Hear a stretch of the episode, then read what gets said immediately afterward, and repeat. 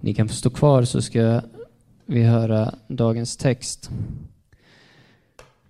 Kommit till del två i vår serie Kännetecken att formas utav Jesus karaktär.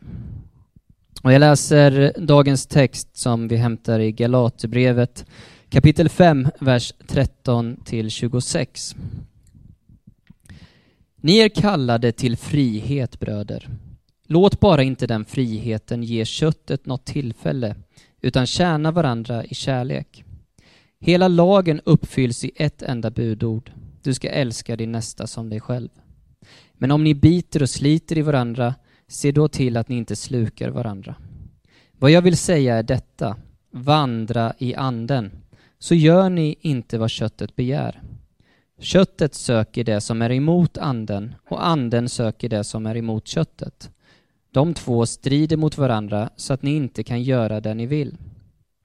Men om ni leds av anden står ni inte under lagen.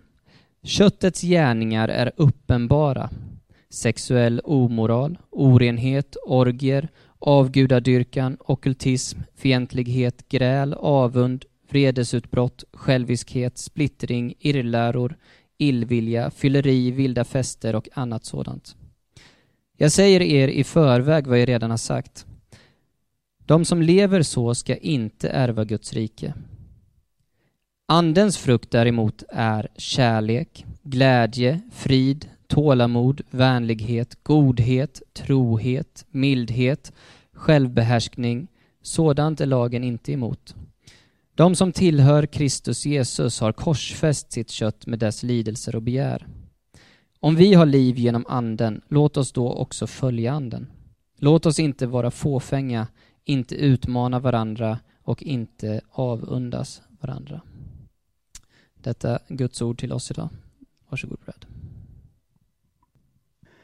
Tack så mycket Linus.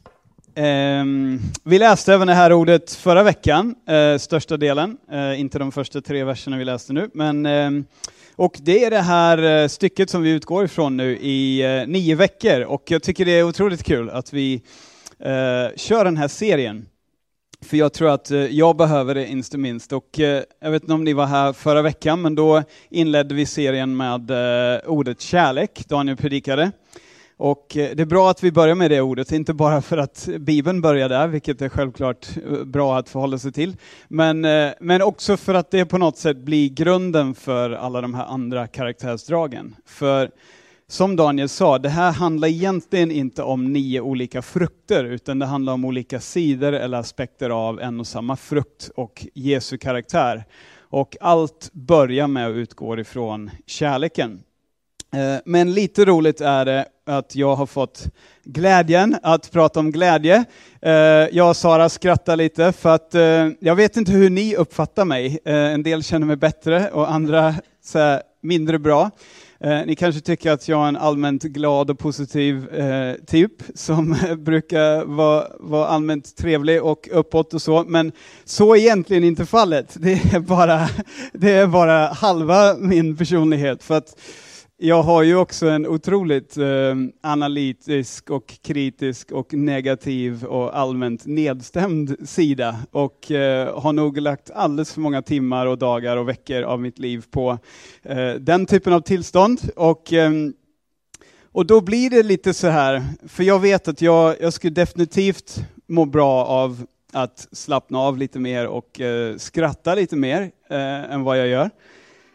Men eh, är det det som är glädje? Och det fick jag också fråga mig när jag förberedde för det här. Vad är glädje egentligen? Och på grundspråket då, engelskan, eh, så har vi de här två orden, eh, joy och happiness, som vi liksom förhåller oss till. Och det är ganska skönt att man har, man har de två orden, Viktor skakar på huvudet här. Eh, jag blir anmäld till det teologiska eh, ombudsmannen eller någonting här.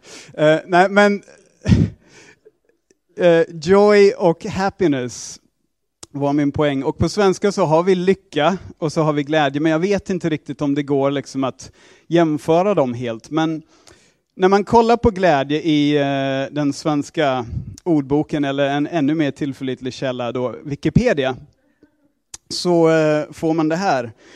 Den här förklaringen. Glädje är ett känslotillstånd av tillfredsställdhet.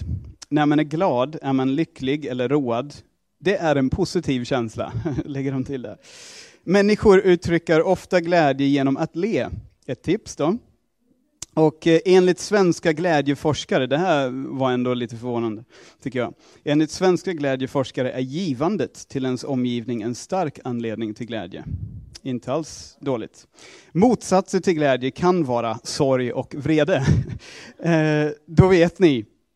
Och det jag vill göra innan jag går in i det här ämnet och tittar på eh, fyra olika källor, eller i varje fall ehm, platser man brukar leta efter glädje, så vill jag titta lite kort på den här frågan. Är glädje mål eller är det en biprodukt? En ganska bra fråga att ställa sig. Ställer du den frågan till vår kultur, så eh, jag vet inte om alla vill svara så, men om du läser av eh, våra liv, så eh, är det nog målet. The pursuit of happiness, det är ju meningen med livet. Hela vårt samhälle, hela vår kultur, allt bygger på att vi ska vara glada och lyckliga and live happily ever after. Allt handlar om det. Alla berättelser slutar gärna där, om de är bra berättelser eh, och inte tragedier. Och eh, egentligen, jag vet inte om ni tänkt på det här, men tittar man på all teologisk, eller inte teologisk, teknologisk då, framgång och utveckling, om man tittar på nya uppfinningar och produkter, man tittar på eh, forskning på människans hälsa och välmående, om man tittar på eh, alla politiska program, om man tittar på reklam. Vad är det de syftar till? Jo, det är att få människan att må bättre. Det är det löftet, eller det är det målet som eh, de har gemensamt. Allt syftar till att människan ska må bra och vara lycklig. Och hör mig inte fel nu, det är inget fel på det. Det är självklart att det är fantastiskt om vi kan vara lyckliga. Problemet är bara när de här inte levererar, de här olika sakerna, och när det inte håller. För oftast är det så här, nästan så fort man får det nya jobbet, så börjar man titta på ett nytt jobb. Så fort man får den nya bilen så ser man en ännu finare bil. Så fort man får den här lägenheten så börjar man känna att eh, lite trångt, jag skulle nog vilja ha lite större lägenhet. Så fort man får ett nytt klädesplagg. Jag köpte ett par nya skor häromdagen. Jag, det är inget impulsköp. Jag gillar Vans, jag har gillat Vans i 25 år. Jag visste att jag skulle gilla de här skorna. Kändes otroligt skönt att få på mig dem första dagen. Men redan andra gången jag sätter på mig de här skorna så känner jag ändå att äh, det hade varit fint med eh, ett annat par också. Eh, du känner inte igen det. Men så kan det vara för oss. Så fort vi har fått en grej så börjar vi titta på nästa. Och Tim Keller då, teologen, pastorn i New York City, han säger så här. Vi jagar glädje, men glädje är inte ändamålet i sig, utan glädje är en biprodukt. Det är inte målet. The pursuit of happiness är ett fåfängt pursuit, en jakt efter någonting som vi aldrig kommer att uppnå, om det är det vi fokuserar på. Och han fortsätter så här, han säger, och han använder saligaprisningarna som eh, exempel då från eh, Galaterbrevet, eller förlåt, Matteus, vi är i Galaterbrevet, men från Matteus 5. Och eh, han pratar om det här ordet salig eller saliga, för det skulle man också kunna använda som ett sätt att beskriva tillfredsställelse och glädje, som vi pratar om idag. Och då ser man så här, saliga är de som är fattiga anden, för de tillhör himmelriket. Saliga är de som sörjer, för de ska bli tröstade. Saliga är de ödmjuka, för de ska ärva jorden. Saliga är de som hungrar och törstar efter rättfärdighet. Så fortsätter han, saliga är de barmhärtiga, Jesus alltså, inte Tim Keller. Eh, och han fortsätter att säga saliga, saliga, saliga. Och så vers 11 och 12. Saliga är ni när människor hånar er och förföljer er och ljuger och säger allt möjligt ont om er för min skull. Gläd, och här kommer ordet, dagens ord. Gläd er och jubla, för er lön är stor i himlen. På samma sätt förföljde man profeterna före er. Och den här texten är ju ganska tydlig. Det, det är inte glädjen som är syftet eller målet. Det står inte saliga är de som söker salighet eller saliga är de som jagar efter lycka, utan det är en biprodukt av att man gör någonting annat.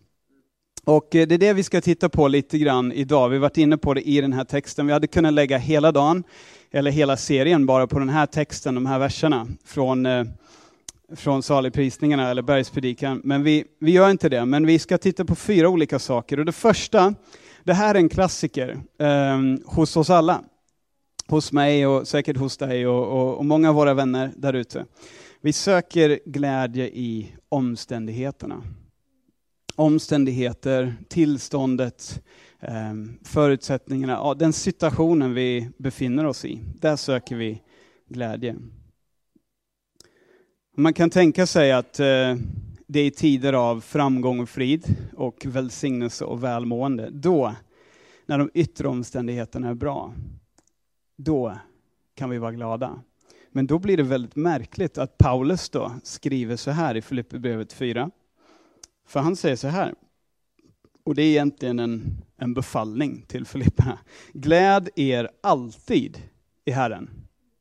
Än en gång säger jag, gläd er.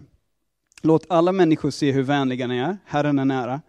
Bekymra er inte för något, utan låt Gud få veta alla era önskningar genom bön och åkallan och tacksägelse. Då ska Guds frid, och det kommer vi till nästa vecka, som övergår allt förstånd, bevara era hjärtan och era tankar i Kristus Jesus.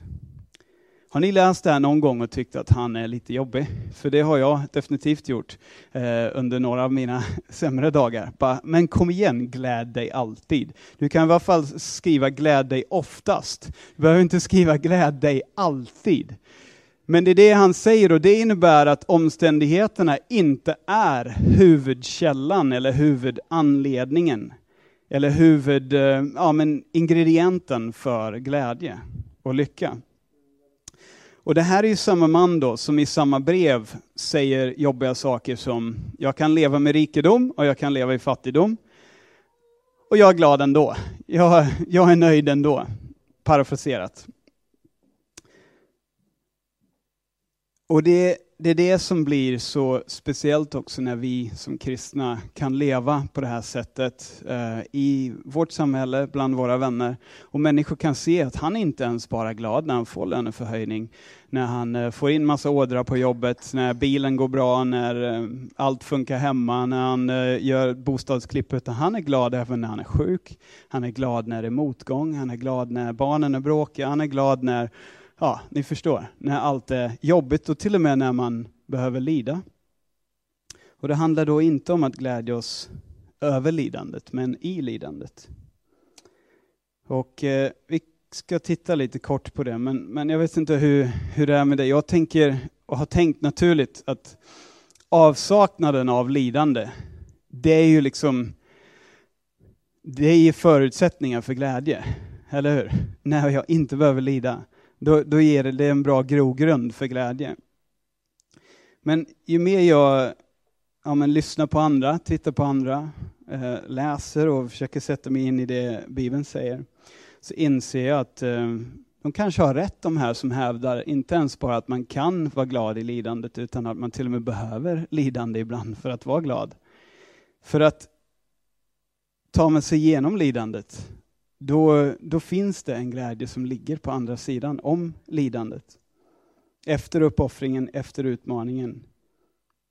Jag ska läsa från Hebreerbrevet 12 och 2 om Jesus själv. Märklig eh, vers egentligen, för det står så här. Och låt oss ha blicken fäst på Jesus, trons upphovsman och fullkomnare. För att nå den glädje som låg framför honom uthärdade han korset utan att bry sig om skammen och sitter nu på högra sidan om Guds tron. För att nå den glädje som låg framför honom uthärdade han korset. Det är ju märkligt att glädje och korset står med i samma mening. Men han visste att på andra sidan lidandet, där låg en glädje som han inte kunde komma till utan att ta den vägen. Och så tror jag det kan vara för oss ibland också. Vi ska vidare, men då har vi etablerat att glädjen inte är beroende av omständigheterna. Men, eh, utan andra saker. Men vilka saker då? Och det tar mig till min andra punkt. Hoppas ni förstår den här punkten. Glädje i saker eller andra saker. Eh, Alex mässade mig, menar du verkligen det här eller har du skrivit fel när han skulle lägga in det här i keynoten här? Eh, så vi la till ett komma där, förhoppningsvis eh, hänger ni med. Men, poängen är, finns glädjen i saker om det inte är i omständigheterna? Eller är det i andra saker? Jag kommer tillbaka till det. Men början på 1900-talet så var det väldigt vanligt att man rökte cigaretter. Och det här var väldigt bra för eh, storföretagen som sålde cigaretter. Men de eh, var lite frustrerade för att eh, de hade insett att försäljningen höll på att stanna av lite grann. Stor del av befolkningen hade börjat röka. Men de hade ett problem och det var att kvinnor inte hade börjat röka. Det ansågs vara fult och socialt oacceptabelt för en kvinna att röka. Och så såg de här stora företagen en möjlighet att eh, dubbla sin omsättning och eh, nå en stor ny potential eh, målgrupp då, eh, genom att eh, få kvinnor att börja röka. Och eh, de funderade, hur ska vi göra? Och de letade upp en man som hette Bernays. Han var psykolog, sociolog, allmänt smart kille och eh, de bad honom, nu, nu får du klura på att hjälpa oss här att hitta ett sätt att få kvinnor att börja röka. För just nu så säljer vi bara cigaretter till män. Och han, eh, han tog utmaningen och eh, klurade ett tag och så knäckte han den här nöten. Och 1929 då eh, hyrde de in en massa kvinnliga statister. Eh, det var en eh, påskparad, en stor sådan, där det var väldigt mycket folk som skulle komma och se den här påskparaden. Och då hyrde de massa kvinnor som gick i det här tåget eller paraden med cigaretter som de kallade för Torches of Freedom. Och de gjorde en reklamserie. Här är en bild på en av de här fina damerna som röker med sin långa cigarettförlängare. Och eh, de hade även någon annan, jag tror jag har någon mer bild här från den kampanjen. En ancient prejudice has been removed. Nu får kvinnor också börja röka Lucky Strike. Och eh, det här var en väldigt lyckad kampanj. Och poängen var att försöka göra sig av med och bryta ner olikheten mellan män och kvinnor och eh, försöka ge kvinnor samma ställning, vilket är självklart hur bra som helst, eller hur? Problemet är bara att man skulle göra det här genom att sälja en livsstil och en produkt till dem som knappast handlade om att frigöra kvinnan, utan som eh, egentligen bara handlade om att byta den ena fångenskapen mot en annan. Och eh, en som råkade gynna företagen då i det här fallet, som tjänade pengar på det här. Och jag lyfter in det här, varför pratar jag om det här? Vad har det här med glädje att göra? Jo, det var egentligen här som var en av de första, om man tittar i reklamvärlden, tillfällena då man började gå från att bara sälja en produkt till att sälja en livsstil eller till och med en känsla via en produkt. Innan hade man sålt produkten på produktens meriter. Nu skulle man sälja en livsstil via den här produkten. Och det är ju ganska självklart för oss idag att det är så det funkar med reklam. Mm, och det är också ganska uppenbart idag att vi, vi eh, inte tycker att rökning är samma sak som frihet eller jämställdhet. Eh, men vi är egentligen kanske lika lätt lurade. Vi tänker att en ny iPhone eller coola briller eller en lägenhet på en viss adress eller en bil med en viss symbol framme på och inte en annan symbol framme på, eller vad det nu är, att det ger oss mer lycka och mer glädje än något annat. Vi har egentligen inte förändrat oss så jättemycket. Och eh, jag lyfter det här för att det här blir ett problem i vårt samhälle. Då blir det så här, om jag bara kan tjäna ihop nog mycket pengar för att köpa Lucky Strike, då är jag jämställd och fri. Men kan jag inte det, då är jag i fångenskap, eller då är jag olycklig. Kan jag bara tjäna ihop nog mycket pengar för att bo på den adressen, den orten där det råkar vara coolt att bo just nu, då kan jag vara lycklig och glad. Men kan jag inte det, ja då är jag en loser. Då, då går det inget bra för mig. Kan jag bara få det jobbet, eller se och så många följare och likes, eller se och så mycket pengar, eller vad det nu är, så eh, då kan jag må bra. Och vi sätter vårt hopp till någonting som inte kan tillfredsställa. Och problemet är, så fort man har kommit in, eller köpt grejen som vi var inne på tidigare, så inser man att vänta nu, det finns en till krets. Det finns en till inre cirkel innanför den inre cirkeln. Så finns det en till, eller en till trappsteg på trappan som man måste upp på. Och så kommer man aldrig vidare. Och jag tycker det här är en ganska bra ganska bra exempel på hur vår kultur fungerar idag, väldigt mycket. Och det är inget fel på sälj och det är inget fel på reklam. Jag själv jobbar ibland med att skriva texter till reklam. Problemet är när man börjar lova mer än vad produkten kan faktiskt leverera. Då börjar man hamna ute på lite hal is. Problemet uppstår när man börjar sälja en produkt på påhittade meriter och inte faktiska meriter. Och man börjar sälja inte bara en produkt utan en livsstil och en känsla. Och eh, jag säger det här för att jag tror att många av oss, mig själv inkluderad, söker glädje i saker. Vi söker glädje i yttre omständigheter, men också i saker, i prylar, i grejer. Vi skaffar oss saker.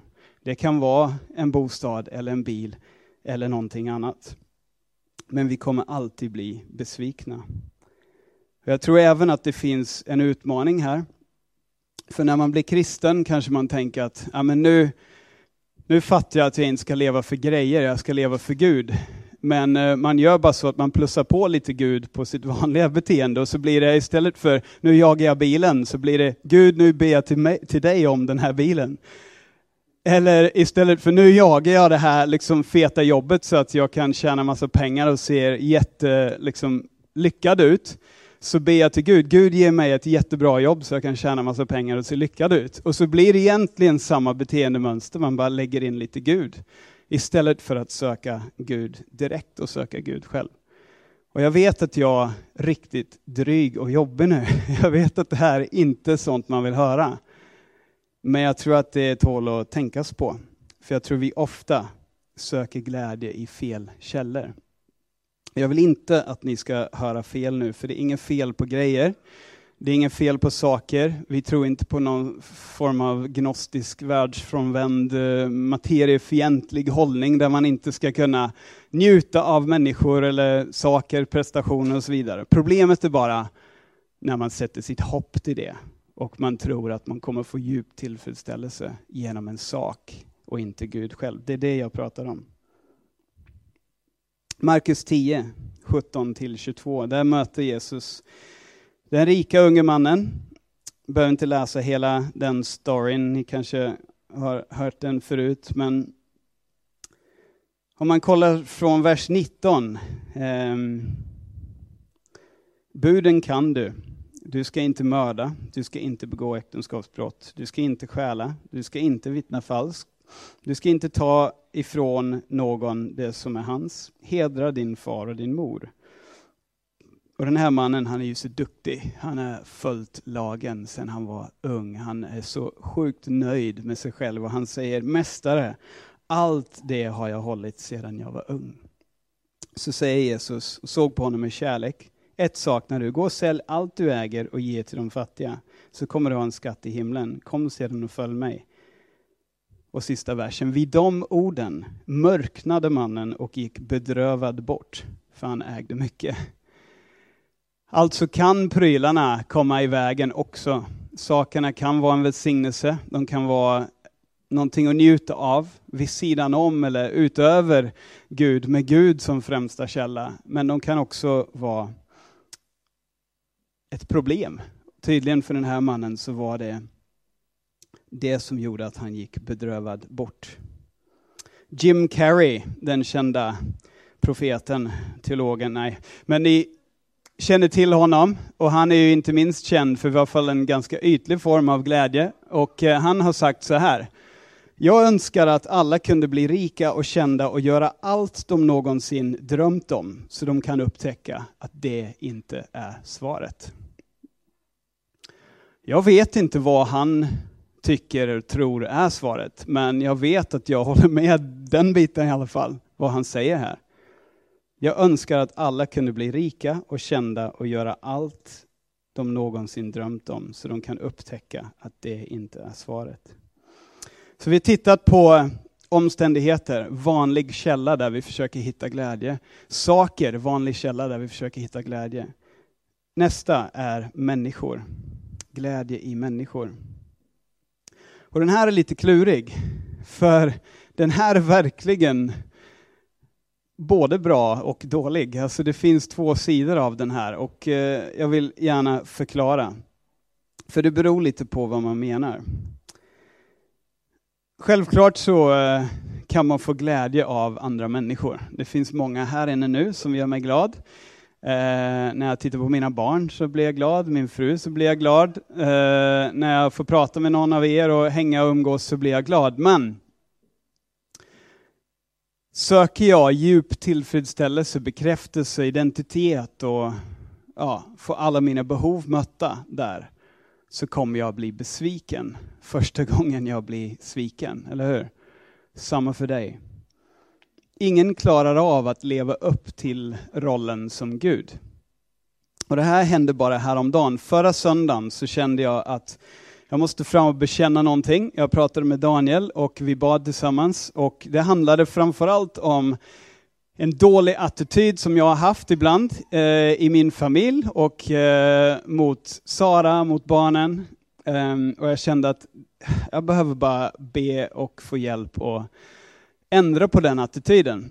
Och så gick det bra måndag, så gick det bra på tisdag, så gick det bra på onsdag, så gick det bra på torsdag, tycker jag i alla fall. Ni får fråga henne sen. Hon kanske har en helt annan bild. Det gick bra i tre minuter. Eh, men eh, jag kände mig ungefär som den där rika unge mannen. Nu är jag rätt så duktig här. Och så kom fredag och så hade jag en bild av hur fredag skulle se ut. Jag hade liksom en tanke och vi ska göra så här och så här och så här och sen så kommer vi liksom ha fredagsmys och så kommer vi hänga och så, så blev det inte riktigt som jag hade tänkt. Och eh, allt bara föll som ett korthus och jag började bete mig som ett svin och eh, bara var allmänt otrevlig och butter och eh, jobbig.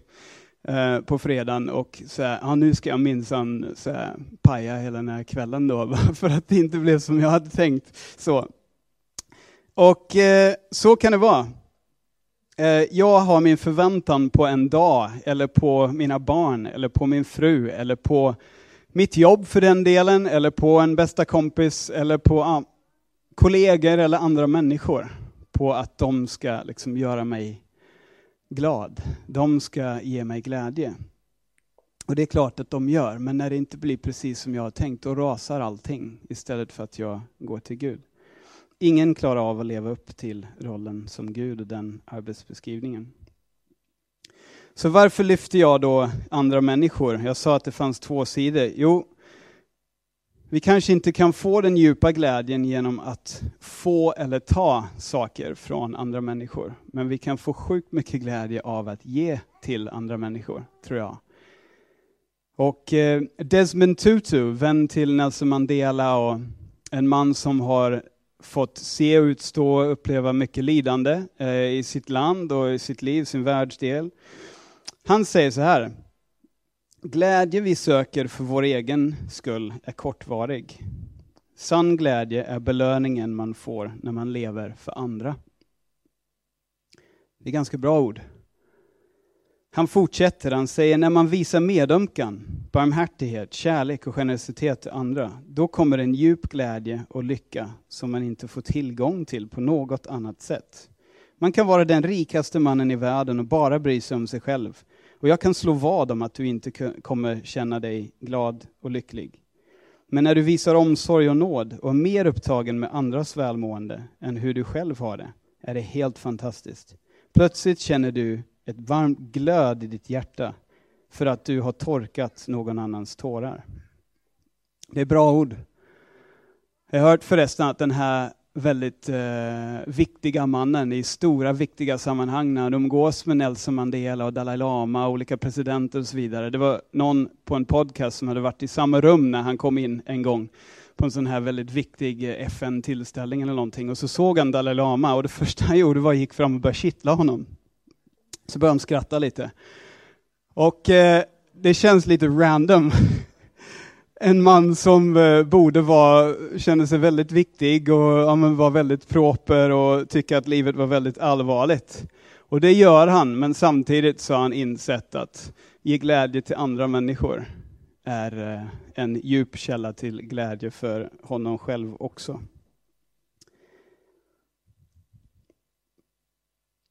Att vara generöst är helt kontraintuitivt och kontrakulturellt för oss idag att så in i någonting som inte ger mig en bättre ställning, vad det nu är jag längtar efter, utan att så in i någon annan.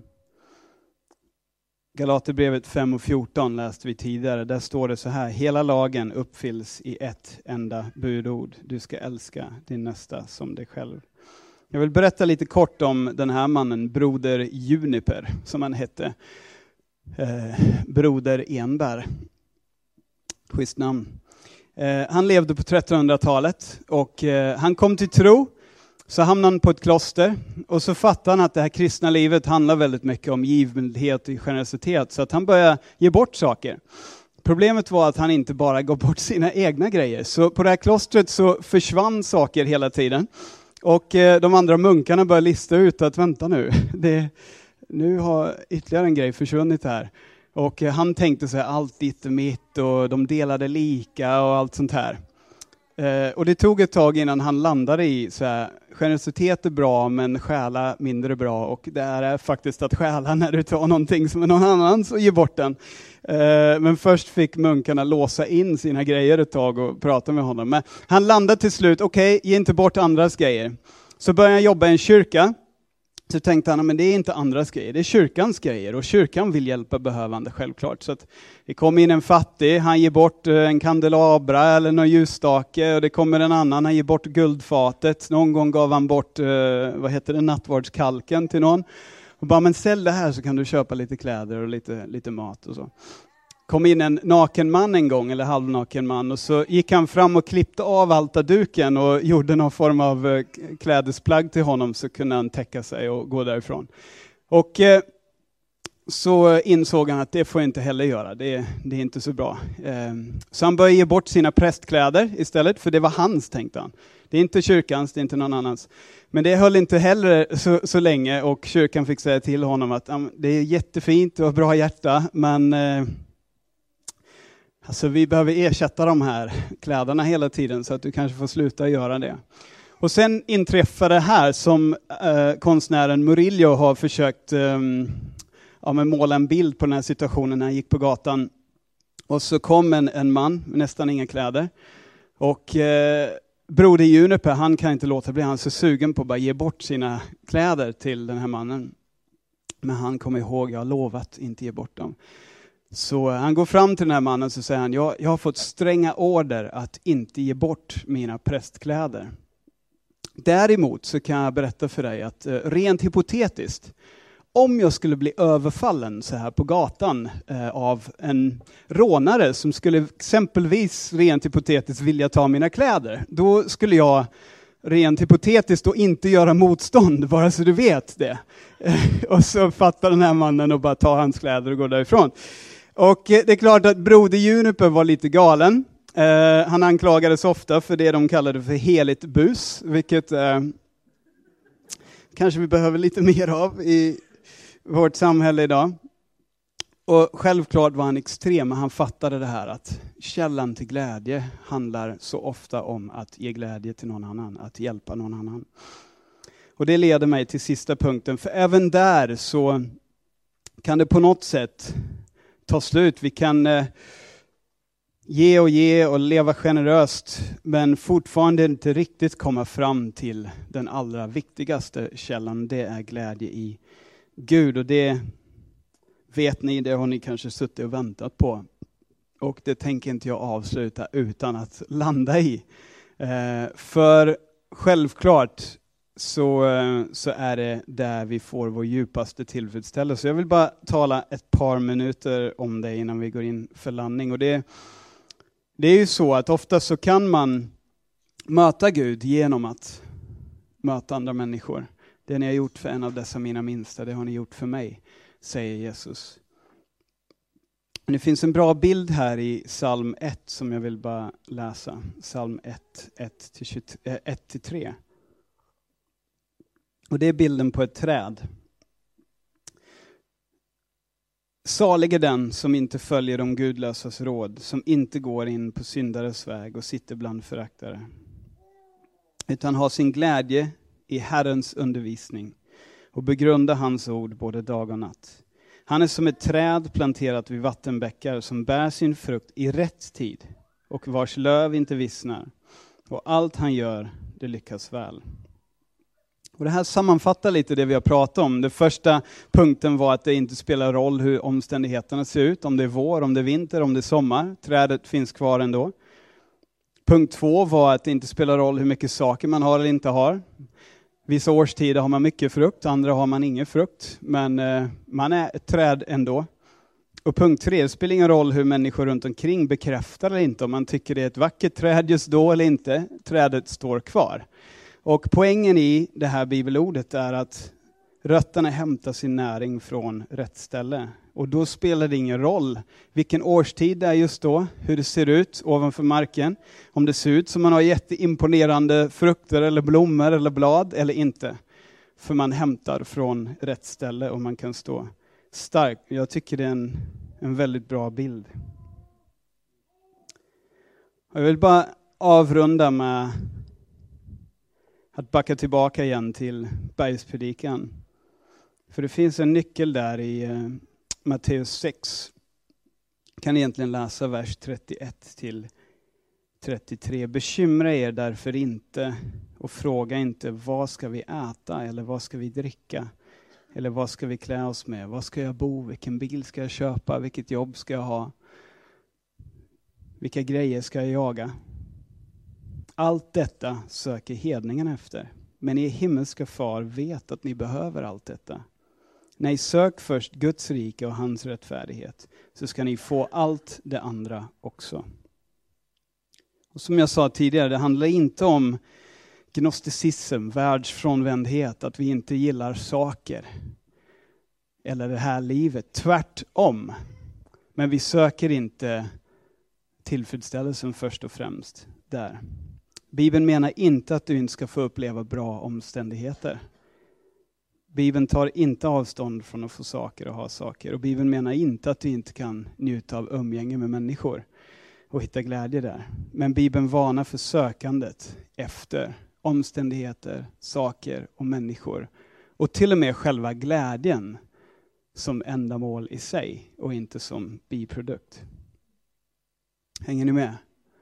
Poängen är var man sätter sitt hopp och var man förväntar sig hitta sin tillfredsställelse. Glädje är biprodukten och inte målet. Låt oss be.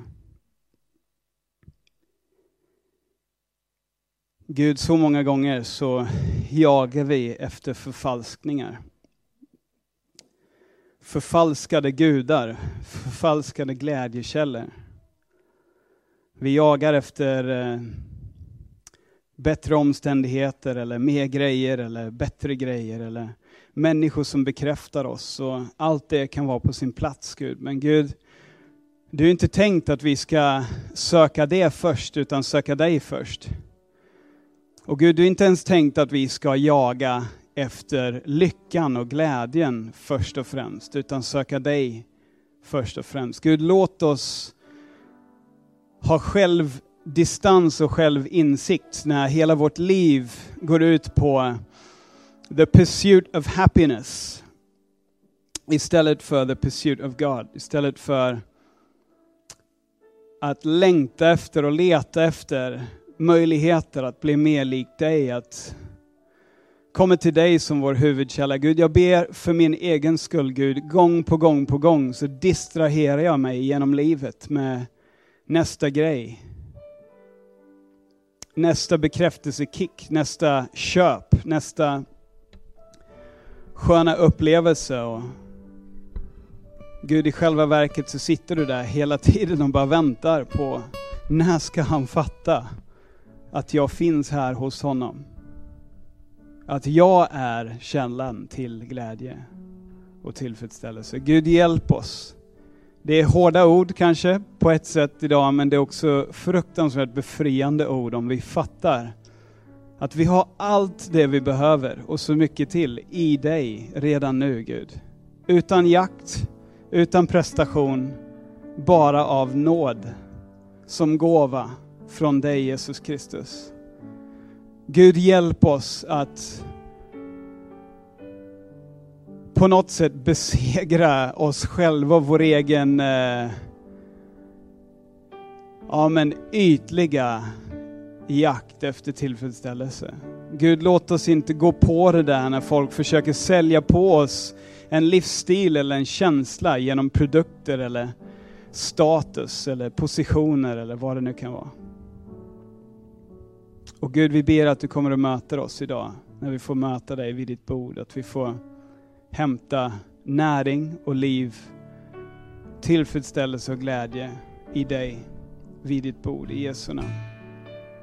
Amen.